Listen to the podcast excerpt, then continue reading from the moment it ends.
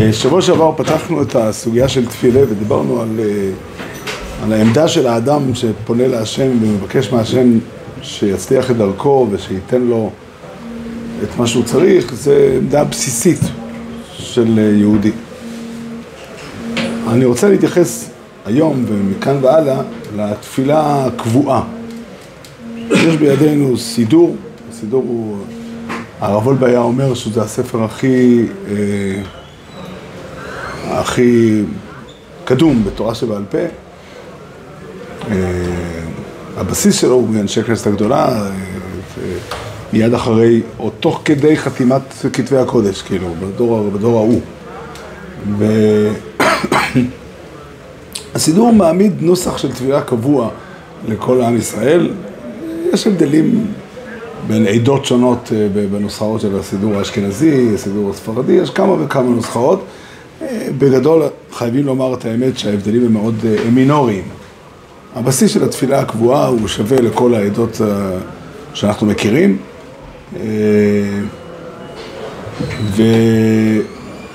ובצורה הזו נראית התפילה שלנו. זאת אומרת, אנחנו חיים בצורה כזאת שהצורה של התפילה היא האמירה של המילים שכתובות בסידור.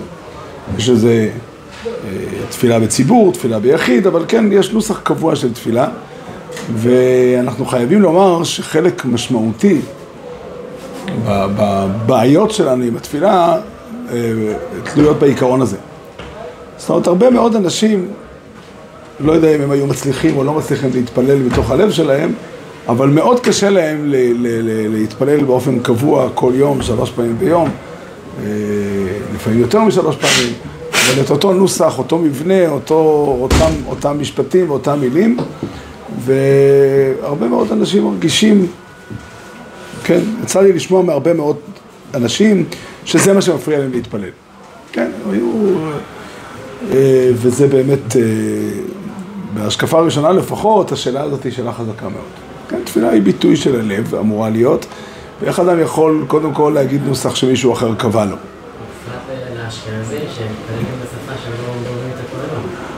כן, אתה מוסיף עוד תוספת, שאנחנו אשכנזים רגילים לדבר בעברה ישראלית, לא יודע אם קוראים לזה עברה ספרדית, עברה ישראלית, ומתפללים בתפילה בנוסח קצת שונה. כן, אני מבין שיש פה עוד תוספת. אבל הבעיה העיקרית נובעת מ... כן.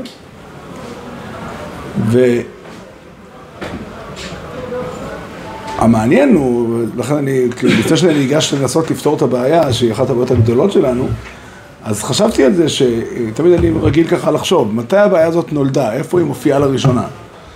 אז היא בעיה די חדשה. זאת אומרת, במשך מאות שנים ויותר התפילות שלנו, נוסח התפילה קיים, לא פגשתי את הנוסח הזה. שמעתי שאלות אחרות. כן, איך מתפללים כל יום את אותו בקשה, האם זה לא אומר שהשם לא רוצה, כבר, כבר לא הבנת שהשם לא רוצה למלות אותה. זה נוסח שמופיע בראשונים. אבל העניין הזה של הקושי של בני אדם להתפלל בנוסח קבוע, לא מצאתי אותו. לא יכול להבטיח שלא נמצא בשום מקום, אבל כתבו, רבותינו הראשונים כתבו, והרבה כתבו על התפילה. ולא רק זה, אלא התפיל, הסידור שלנו, חלקים שלו, בנוי מזה שאנשים... הציבור היה מעוניין, זאת רוב הפיוטים שנתחברו לתפילות הימים הנוראים, לסליחות, לקינות לתשעה באב, כן, היו פעם פיוטים שאמרו בכל החגים, אשכנזים היו אומרים הרבה פיוטים, יש עדיין בתי כנסת שאומרים פה ושם פיוטים בתאריכים מסוימים, אז בדרך כלל זה לא, הסיטואציה לא הייתה שההלכה או הרבנים דרשו להגיד את הפיוטים. העם ביקש להגיד כמה שיותר פיוטים, והרבנים היו אלה שניסו למעט, לא תמיד באותה מידה, בשיקולים הלכתיים שונים ומשונים, ולא תמיד הם הצליחו למנוע את הפיוטים. אבל uh, התפיסה הייתה שאנשים אהבו להתפלל. כן, אני יכול להגיד לכם, עד היום הזה יש ציבור, יש, יש אחוז כזה באוכלוסייה של אנשים שאוהבים להגיד תהילים. אומרים תהילים בהנאה, ברגש רב, בהנאה רבה. אני לא חושב שהם, אני עצמי, קשה לי מאוד הדבר הזה. אני יכול להגיד מזמורים מסוימים של תהילים שהם מתאימים למצב שבו אני נמצא. אבל כשאני מתפלל על חולה ובאמצע נכנס לי מזמור, עלו את השם כל גויים, שבחו כל האומים, כן, אחי, אחד האחים שלי רגיל תמיד לומר שהוא פעם נכנס לבית הכנסת ושמע את הציבור את החזן אומר בניגון ככה שמח, כן, 40 שנה עקות בדור, ואומר עם טועה לבב והם לא ידעו דרכיי. ופעם אחרת נכנסתי לבית הכנסת, והציבור כולו אמר ברגש רב, זמרו לאלוקינו זמרו. כן, לפעמים זה מוזר, אבל אנשים יש להם uh, חוויה בזה, כן, אני, בבית שלי אני יכול להגיד לכם, אשתי רגילה להגיד תהילים. היא לא מבינה את השאלה שאני שואל, כן, זה מאוד מרגש התהילים, כן. לא שלא מבינה מה כתוב בתהילים, אבל uh, כל פנים, זאת אומרת, אני חושב שיש פה נקודה מאוד מאוד משמעותית, וצריכים להתבונן בה. אולי רמב"ם אבו, אני הייתי רוצה להסתכל קצת. אני חושב שיש פה נקודה מאוד משמעותית שצריכה לה, להוביל אותנו כשאנחנו עסוקים בתפילה. שוב, אנחנו אנשים אירופאים, למרות שגדלתי פה בארץ וכולי, אבל התרבות שאנחנו חיים בה היא תרבות אירופאית, ומשהו בתוכנו מאוד חזק זה האינדיבידואליות. זאת אומרת, אני מכיר אה, ומצפה מעצמי לבטא את האני הפנימי שלי. זאת החו... אלה הם החוויות שאני מכיר. התפילה שאותה תיקנו קדמוננו בנויה על רעיון אחר. היא בנויה על זה שהאדם נכנס בתוך מסגרת מסוימת. הוא נכנס בתוך קהילה מסוימת, הוא הופך להיות אחד מקבוצה מסוימת, והוא מתכוון לזה בכל ליבו.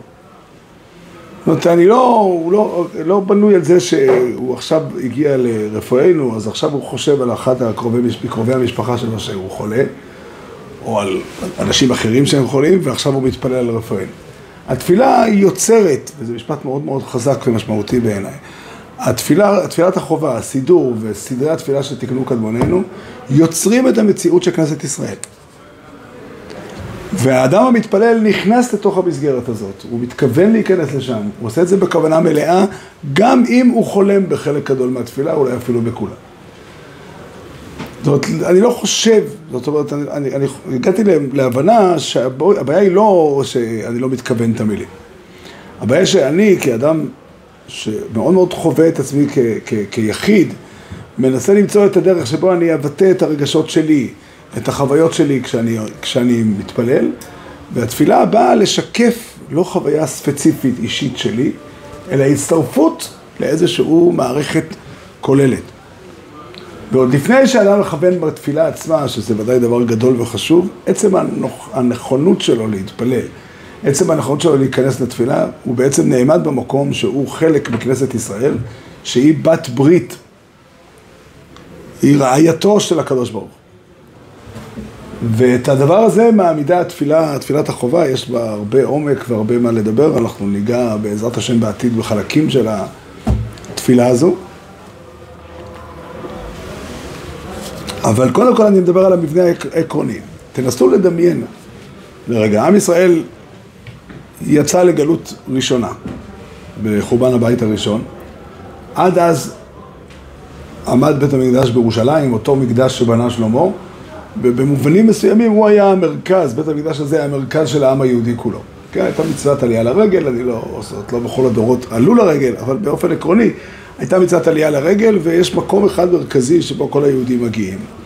וכל היהודים נמצאים בארץ אחת.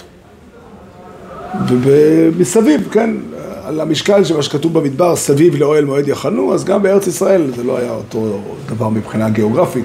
כן, ארץ ישראל היא מאורכת ולא... זה לא בדיוק אה, סביב לא הם מאוד יחנו, אבל הרעיון, זה היה, זה, זו הייתה צורת הקיום העקרונית של יהודים בימי בית ראשון. כשחרב הבית בראשונה ועם ישראל יצא לגלות של 70 שנה, כמו שכתוב בפסוקים, שזה קצת זמן מבחינה היסטורית, בקנה מידה היסטורי, אז התוכנית הייתה לחזור אחרי 70 שנה. מה שקרה כשחזרו, התברר שעם ישראל לא חזר. ובעצם ההקמה של הבית השני, התברר שהגלות הופכת להיות למשהו ארוך טווח, שאין לדעת מתי יהיה סופו. במובן מסוים, עד היום לא חזרנו מהגלות של בית ראשון.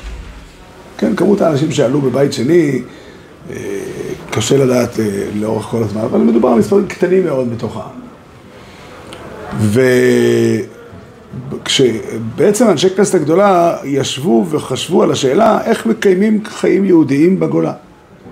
כאשר יהודים חיים בעיר מסוימת, בערים שונות, כל אחד, כל קבוצת יהודים חיים בעיר אחרת, ואין להם בית מקדש שמגיעים לשם שלוש פעמים בשנה, אין להם גם אה, נביאים שאפשר ללכת, כן, הם, הם צריכים להקים קהילה, להקים את החיים היהודיים בגולה, והם יצרו אז את המושג קהילה. כן? ואחד הדברים, הדרכים שהם יצרו את המושג קהילה, זה הם יצרו מוסד ששמו בית הכנסת. שיש בכל עיר ועיר שיהודים חיים, יש בית שבו כל היהודים מתאספים לצורך עבודת השם, והם יצרו גם סדר של עבודת השם קבועה שמתנהל בבית הכנסת, שזו התפילה. אם לא זה, יהודים שחיים בפריז למשל, לא פוגשים יהודים אחרים. כן, אין להם בשביל מה להיפגש. הם יכולים כמובן אה, להיות קרובי משפחה ועוד הרבה דברים, אבל אין, אין אה, סדר ובעצם התפילת החובה והמוסד ששמו בית הכנסת נוצר את המסד הזה שנקרא יהודים בכל מקום שהם נמצאים, הם מהווים, הופכים להיות לקהילת קודש, לקהילה שהיא נציגה, ככה שמעתי פעם, קראתי פעם שהרב רוטנר כתב, שקהילה היא המיניאטורה של כנסת ישראל. אפשר קידוש בלי תפילה? מה? אפשר קידוש בלי לא, המהות של הקהילה היא חיבור להשם. המהות של הקהילה היא, זה קהילת קודש, קהילה שעובדת את השם יחד. כן, ממש כמו שבית המקדש הוא המקום שבו עם ישראל מתאסף, או לא מתאספים שם שלוש פעמים ביום בבית המקדש, אבל באים שלוש פעמים בשנה כל העם היהודי כולו ביחד, וגם כל השנה כולה, השליחים שלנו נמצאים שם כדי לעבוד את השם. תפילות כנגד תמידים תקנו, פירושו שכמו שיש סדר קבוע של עבודת השם ציבורית של, על ידי הקורבנות, יש גם סדר קבוע שעם ישראל מתפלל לפני השם, שחריס, מנחה ומאיר. אז גם עשר בטלנים זה כמו כהנים? מה? עשר בטלנים זה כמו כהנים? אפשר לראות את זה ככה, כן, אבל הצורה המלאה של הדברים היא לא אה, שיש מישהו שמייצג אותנו, אלא כל היהודים כולם מתאספים ביחד כל יום, שלוש פעמים ביום, כדי להתפלל. דרך אגב, גם אם מתפללים ביחידות זה כך. כי התפילה במהותה היא תפילת ציבור. אני אולי לא הולך לבית הכנסת אם אני מתפלל ביחידות, אז אני מתפלל לבדי את התפילה הזו. יש פעמים שהבתי כנסיות בגלות, בזמן בישראלי למשל, לפני זה כבר היו בתור בתים ש... שכל היהודים מגיעים בשבת לשמוע אה, הלכות וטובה כל היום. יכול להיות שהיה עוד דברים, אבל בית הכנסת, זה המשמעות של בית הכנסת וזו המשמעות של תפילת הציבור עד היום הזה. עד היום הזה, כאשר אנחנו מתאספים ביחד... לא, בית הכנסת העיקר בו התפילה. תפילה, יש בית מדרש. יש בית מדרש ששם לומדים תורה, יש יהודים שמגיעים לבית... אני מניח שהיו תמיד יהודים שלמדו תורה, אבל uh, היו יהודים כאלה שלא ברי האכיל ללמוד כל כך הרבה תורה. לא, בשבת, באים לשמוע את הדרשה של החם של הדרש הלכות. זה שלב ב'. התפילה, התפילה, זה התפילה, התפילה מתאספת, האדם שמתפלל וצריך קודם כל באמת לתת את הדעת לזה. יש נוסח כזה, בחלק מהסידורים זה כתוב בפתיחה של לפני תפילת שמונה עשרה, נראה לי שזה בסידור הזה מבצע. אה, אני נכלל, כולל את עצמי בכלל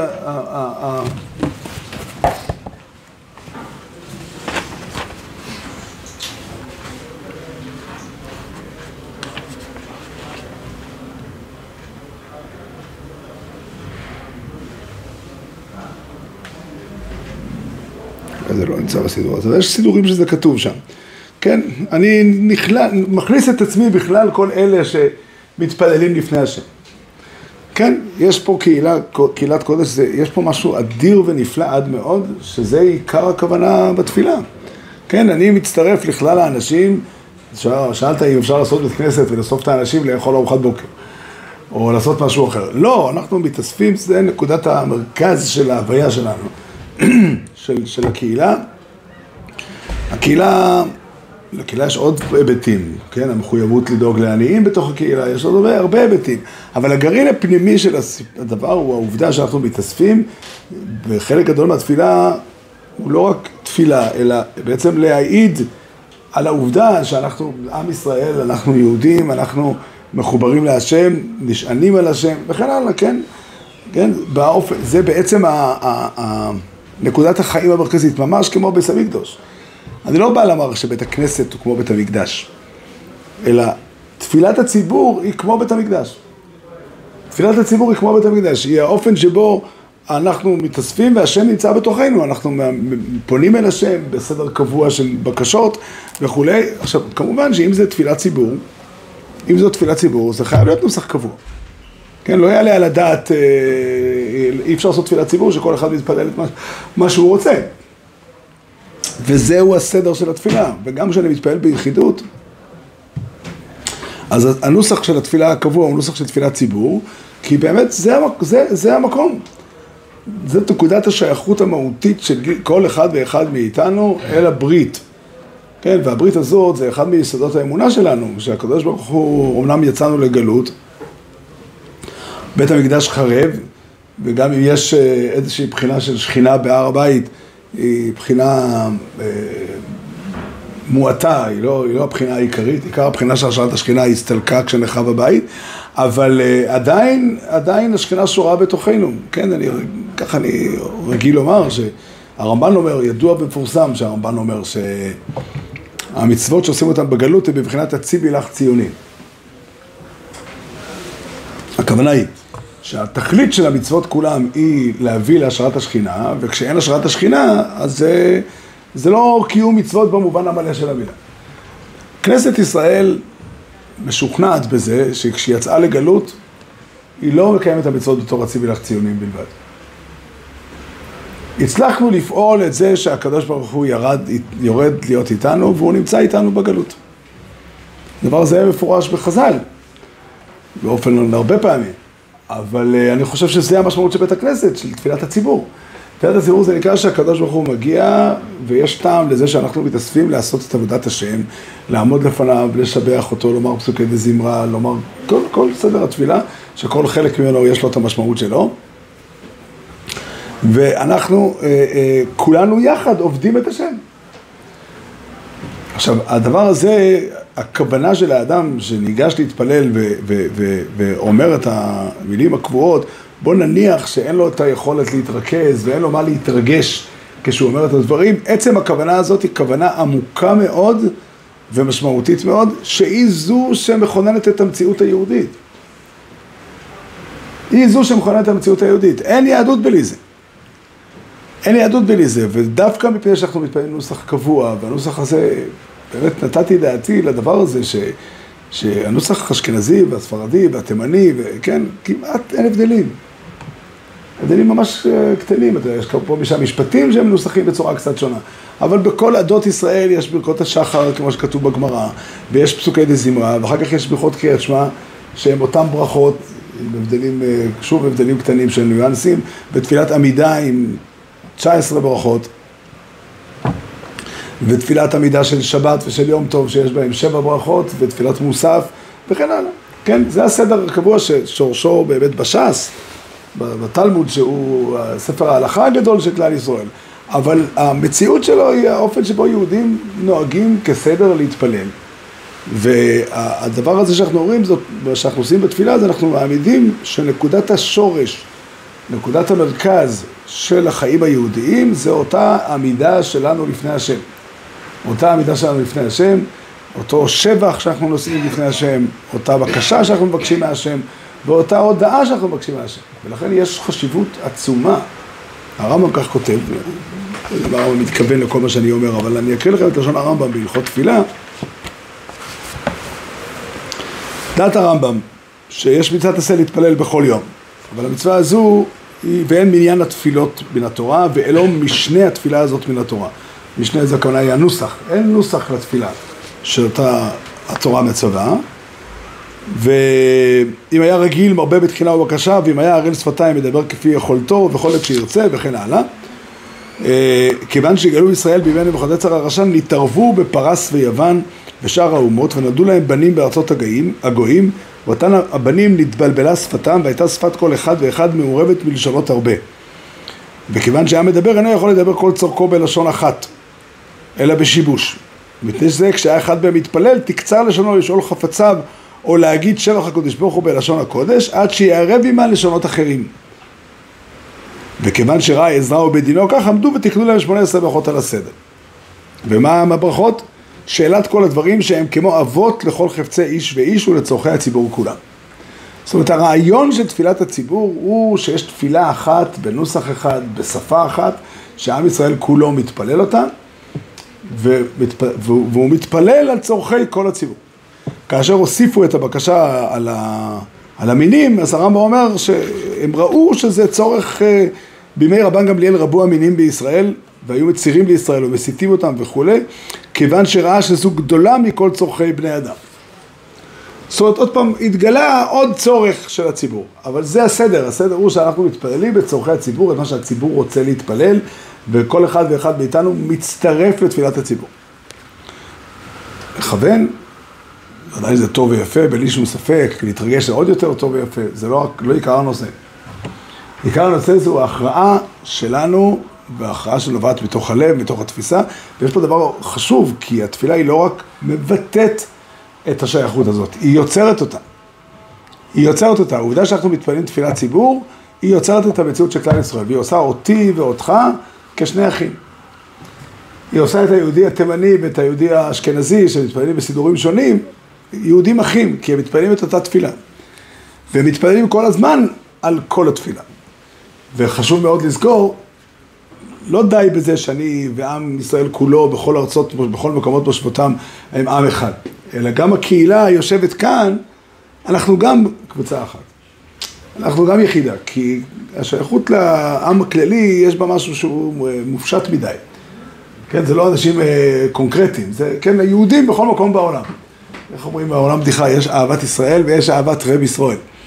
כן, האם אתה אוהב את היהודי הספציפי הזה שבא על ידך, שיושב על ידך בבית הכנסת. אז זה גם חלק מהסיפור, כן? הציבור מתאסף, והציבור, הוא, יש מספר מינימלי שהוא עשרה יהודים, שעשרה עשרה זה. כאילו המספר המינימלי שהשכינה שורה בו, כן? כל בעשור שכין תשריה. אתמול הבנתי שהתורה זה מה שמה אה, את כולם. מה? התורה עצמה, זה מה שהיה משותף לכולנו. ברור שאתה צודק, שהתפילה באה מכוח התורה.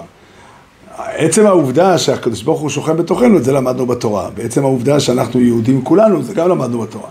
אבל התורה לא מחייבת, כן, אנשים שונים יכולים ללמוד את התורה כל אחד בנפרד ולהגיע להבנות שונות. וזה שהם צריכים להתאסף ביחד ולעבוד את השם ביחד, זה כתוב בתורה. אתה ודאי צודק. זה ודאי כתוב בתורה. זה כתוב בתורה בזה שיש בית מקדש, זה כתוב בתורה בזה שיש סנהדרין, שהסנהדרין מחליטים החלטה בשביל כל העם. אבל אם אתה שואל באיזה אופן יהודים שחיים בנהרדואה או בעיירות בבליות שחז"ל מדברים עליהם, או בתקופות מאוחרות יותר, בכל מיני מקומות בעולם, אז, אז התשובה היא בזה שהם מתאספים ביחד להתפלל בבית הכנסת. כי במצרים, הדבר היחיד שמשותף מכולם זה שהם אותו משפחה וכולם היה ברית מילה. באמת לא היה עדיין עם ישראל במצרים. בוודאי עם ישראל לא היה עם השם. על ידי גאולת מצרים נעשינו עם השם. ואיך אנחנו נבטא את זה אחר כך? אז מיד אחרי יציאת מצרים מגיע מתן תורה ומגיע אחר כך העמדת המשכן. אבל אם אתה מדבר עכשיו על המציאות שלנו בגלות, שוב, זה נכון. כל עוד עם ישראל כולו נמצא על יד ירושלים בקרוב יחסית, ועולים כולם ביחד בשלושה רגלים, לא צריך. לא צריך את תפילת הציבור. כל אחד צריך להתפלל מתי שהוא צריך להתפלל, לפי בקשתו, לפי הלב שלו וכולי. כן, כי ביתי בית תפילה ייקרא. אבל נתקנו רק אחרי חורבן... אחרי החורבן הראשון, כן, יותר מדויק לא אחרי החורבן הראשון, אחרי שהתברר שהבניין השני הוא לא, מתק... לא, לא מתקן את הגלות. כן? וזה המשמעות של התפילה. המשמעות של התפילה העיקרית, המרכזית, היא ששוב, יש פה משהו מאוד מאוד אה, אה, עצום, כן? אנחנו כולנו ביחד, אין, אין אה, הלכה, בהלכה כתוב, יש חובה לבנות בית כנסת. כן, לבנות בית כנסת נקרא לבנות מקום שבו העם ישראל מתאסף, בני הקהילה מתאספים ביחד להתפלל לפני השם. והם מתפללים תפילה, אפשר להתפלל בבית. לא, יש מקום שבו כולנו ביחד מתפללים את התפילה הקבועה, את התפילה של כולנו. זה הסיפור. זה הסיפור. זו הכוונה של התפילה, ואני חושב שיש פה משהו כללי שצריכים לתת עליו את הדעת. הכ- הכוונה העיקרית, או, או אותו, איזה, אני לא אומר ככה, התודעה העיקרית של האדם זה אותה, אותו רובד בתודעה שמביא אותו להחליט לעשות דברים. כאילו אפשר לדבר למשל האם אני אוהב את פלוני. אז יכול להיות, אה, יש רגשות של אהבה, יש הרבה דברים שאפשר לדבר עליהם. אבל יש את השאלה האם כשהוא צריך משהו אני קם ועושה את זה. במובן מסוים זה, זו הכוונה היותר, היותר אמיתית. הכוונה של יהודים להתפלל זה בעצם לומר לעצמם ולומר לשכנים שלהם ולומר לקדוש ברוך הוא, כן, אנחנו ביחד עומדים מול השם והשם נמצא בתוכנו, אנחנו מתאספים כל יום כדי לעבוד את השם, להתפלל לפניו, לבקש ממנו שייתן לנו את, ה, את, ה, את מה שאנחנו צריכים, כן, זה הכוונה, ולזה מתכוון כל יהודי שמתפלל. עכשיו הדבר הזה, אנחנו חיים אחרי אה, כמעט אלפיים שנות גלות, אה, אחרי החורבן השני, כן, 2,500 מאז, 2,500 שנה בערך מאז שתיקנו את התפילה, ואנחנו יכולים לספר את ההצלחה של הדבר הזה. בלי שום ספק, אחד מהדברים שיצרו ונתנו לעם היהודי את הקיום, זה העובדה שיש בית הכנסת ויש תפילת חובה. עכשיו, זה לא רק אה, סימני זהות וכאלה, זה באמת, באמת משקף את ההבנה. גם הקדוש ברוך הוא מקבל את התפילה הזאת בצורה הזאת. כן, אנחנו באנו אליו, הצטרפנו כולנו ביחד כדי להתפלל לפניו. עכשיו, מה שאתה אומר על התורה, אתה צודק לחלוטין. כל תפילת החובה שלנו היא ביטוי של התורה. אני רוצה להוסיף פה משפט. אנחנו מאוד מאוד רגילים לחלוקה של דאורייתא ודרבנן. כן, באופן כללי, אחת הדוגמאות הטובות לזה זה ראש השנה. ראש השנה, התקיעה היא מדאורייתא, ומלכויות זמרות השבועות זה מדרבנן. אני רוצה לומר שהחלוקה מדאורייתא ודרבנן היא לא כזאת חלוקה מהותית. אני אתן לך דוגמה, מלכויות זמרות השפרות זה בעצם ההבנה שחז"ל הבינו, שקיבלו את זה בהלכה למשה מסיני, או הבינו שזה התוכן של התקיעות. נכון שמהתורה אין חובה לומר את זה. תוקעים בשופר, ובעצם התקיעה מתכוונים למלכויות זיכרונות השופרות. וחכמים תיקנו לומר את זה, ולכן זה דרבנון. אבל זה מאוד, זה, זה, זה סוג של אה, התפתחות, סוג של הרחבה של הדאורייתא. כן, כי זה הרי התוכן של התקיעות עצמן, וזה התוכן של התקיעות מדאורייתא. באותו אופן, התפילה היא דבר שהוא, תפילת החובה שמתפללים בבית הכנסת היא כולה דרבנן. אבל היא יונקת ונובעת מדברי תורה באופן מלא.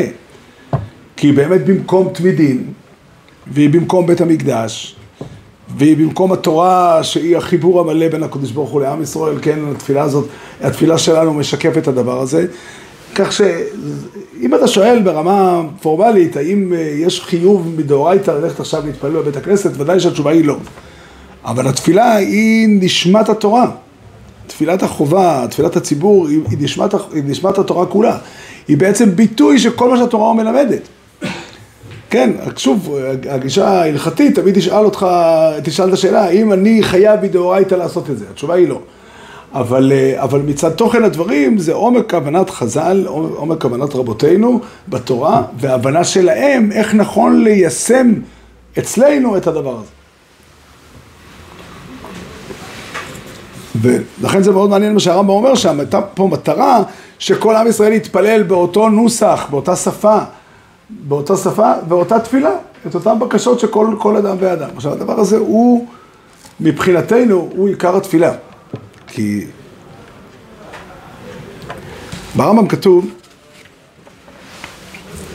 כשהוא מדבר על התפילה דאורייתא שלפני אה, תקנת חז"ל, אז הוא אומר אין מעניין התפילות מן התורה, ולא משנה התפילה הזאת מן התורה. משנה הכוונה היא. כמו משנה. הנוסח, אין... אה, בתורה כתוב משנה התורה הזאת, כן, הפצ'גן, פצ'גן הכתב. אה, ואין אה, לתפילה זמן קבוע מן התורה, וכן הלאה. אלא חיוב מצווה זו כך, שיהיה אדם מתפלל ומתחלל בכל יום. הוא מגיד שבחו של הקדוש ברוך הוא, ואחר כך שואל צרכים שהוא צריך להם בבקשה ובתחינה. ואחר כך נותן שבח והודיה להשם על הטובה שהשפיעה לו כל אחד ואחד כפי כוחו. כך אם היה רגיל בתחינה ובבקשה, ואם היה ערל שפתיים, לא, סליחה, אם היה רגיל מרבה בתחינה ובבקשה, ואם היה ערל שפתיים מדבר מעט כמה שהוא יכול. והכל היו מתפללים נוכח המקדש בכל מקום שיהיה. וכן היה הדבר תמיד ממשה רבינו ועד עזרא. אומר הרמב"ם שהדין הזה, שצריך לכוון בתפילה לכיוון ירושלים, הוא לא שייך לתקנת חכמים המאוחרת. הוא דין דאורייתא. זאת אומרת, הוא שייך לעצם צורת המצווה מדאורייתא. גם לפני שתקנו חכמים אה, להתפלל כל יום, אה, שלוש פעמים ביום, היה חובה... כן, כן, אה, אה, אה, המקור של זה הוא מהפסוקים בספר מלכים, ששלמה המלך מתפלל כשהוא הקים את המקדש, שהתפילה תעבור דרך בית המקדש. כיוון שגלו ישראל וכולי, אז תקנו את התפילות האלה. עכשיו אני רוצה לשאול שאלה פשוטה. ברמב"ם כתוב, אנחנו הרי למדנו בישיבות ולימדו אותנו לנתח דברים בלומדס. אז אני אשאל את השאלה בנוסח כזה.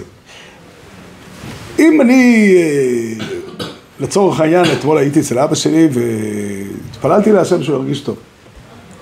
בבית חולים, ברוך השם, יצא היום, תפילתי התקבלה והוא יצא הבוקר מבית חולים. אבל כשעמדתי שם בשעה בשעות, אמרתי ריבונו של עולם, האם הייתי צריך לכוון את, את עצמי לכיוון ירושלים?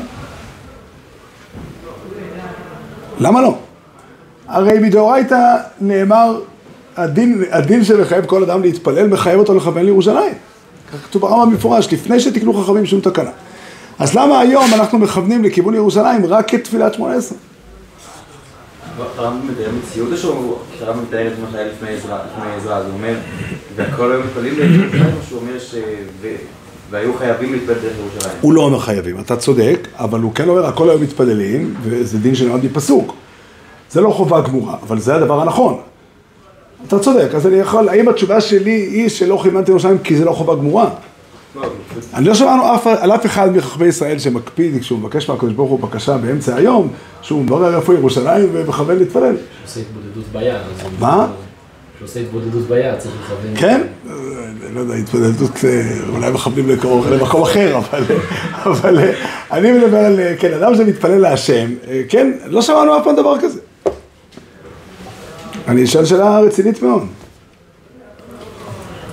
אז יותר מזה, וזה הרמב"ם כן אומר שזו חובה, לפתוח את הבקשה בדברי שבח ולסיים בדברי תודה.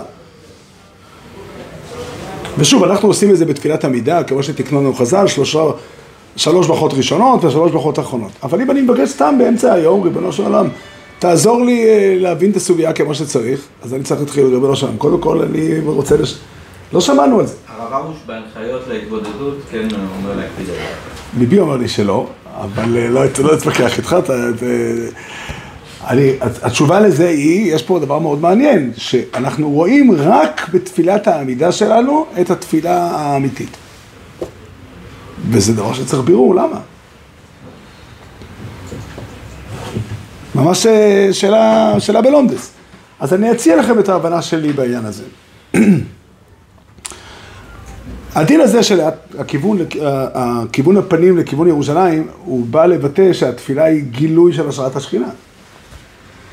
ואנחנו רואים בתפילת חובה שלנו, בתפילת שמונה עשרה הקבועה, את, ה, את, ה, את הגילוי הזה. ולכן אין בו צורך במקומות אחרים. כן, התפילות האחרות שאני מתפלל, הן לא גילוי, הן לא נועדו להיות גילוי להשראת השכינה. באופן עקרוני, כי אין, שאין תפילה אחרת, אז התפילה, הבקשה הפרטית שלי שהרמב"ם מדבר עליה, היא האופן שבו השכינה חלה על כל אחד ואחד מאיתנו, ולכן צריך לכוון לירושלים. כן, הפסוק שהתורה, והיו עיניי וליבי שם כל הימים, ככה הנביא אומר. כן, הקדוש ברוך הוא אומר, אני קראתי ברית עם עם ישראל, והמקום שבו עם ישראל, אה, שנמצא במרכז ארץ ישראל, כדי שהשכינה תשרה שם, זה ירושלים, זה הר הבית, המקדש, ועל זה נאמר, והיו עיניי וליבי שם כל הימים. וכל התפילות שכל אדם מבקש, צריך לכוון אותם לכיוון ירושלים. או לפחות פעם ביום, אולי הפשט ברמב"ם, שצריכים לכוון לכיוון ירושלים. אבל אנחנו, מבחינתנו, מה שאצלנו מגלה את השראת השכינה, שיוצר את כל סדר העמידה לפני השם, שמתואר פה, גם שבח והודיה לפני ואחרי, זה תפילת שמונה עשרה, או תפילת עמידה, איך שהשם היותר מדויק שלה. ובתפילה הזאת מגיע לידי ביטוי, בל יוצא לפועל, אותה בחינה של השראת השכינה עלינו, והשראת השכינה לא שורה עליי באופן פרטי. היא שורה עליי רק עד כמה שאני מצטרף לקבוצה שאוהדת את השם ביחד, שזה המניין המסוים שנמצא כאן, שהוא נציגות של כנסת ישראל כולה. שהוא מיניאטורה של כנסת ישראל. זה המשמעות. זו המשמעות, ולזה אנחנו מתכוונים, ובאמת יש הלכה שאומרת, הלכה, ההלכה אומרת שאסור לעבור לפני המתפלל, ונאמרו על זה שני טעמים, טעם אחד אומר חיי אודום, וטעם אחד אומר המשנה ברורה. המשנה ברורה אומר שהטעם הוא כדי, הוא מביא מאחרונים, שהטעם הוא כדי לא להפריע את הכוונה של, ה, של המתפלל, ואני, אם יורשה לי לומר, נראה לי יותר הטעם של החיי אודום. כיוון שהמתפלל שכינה כנגדו, לא דרך ארץ להפסיק בינו לבין השכינה. ישאל השואל, מי אמר לי שהטעם של הוא יותר מסתבר, יותר פשוט? כי הסברה נותנת שהיה צריך להקפיד גם לא לעבור לפני אדם שקורא קריאת שמע, הוא גם צריך לכוון. או לא לעבור לפני אדם ש... שבברך ברכת המזון, גם הוא צריך לכוון. ומה קורה אם בן אדם מתפלל 18 והוא לא מכוון, אז מותר לי לעבור לפני המתפלל? כן, פגשתי פעם בן אדם שאמר שאצלו זה בחזקס, שזה שעומד שם לא מכוון ולכן הוא עובר. אז, אז מעבר לזה שהחזוקיה הזאת היא, היא, היא, היא לא, לא יודע כמה היא מבוססת, אבל אני חושב שזה, אני חושב שהחיידו אומר דברי סברה ממש אמיתיים. כן, אומר הרמב"ם, אני רוצה, הרמב"ם מתאר, נראה אם אני אמצא מהר איפה זה הרמב"ם הזה. אולי הכוונה, כוונה שאתה לפני מלך, זה רק המידה. למה אין כוונה בקריאת שמע? לא שאתה לפני מלך. מה? לא הכוונה שלא עומד לפני, אתה אומר בלראות, אין, בחינה של השראת השכינה בקריאת שמע ובברכת המזון. שנייה, אני אמצא לכם את זה מיד, כתוב ברמב"ם הלכה כזאת. שנייה, שנייה, תן לי דקה למצוא.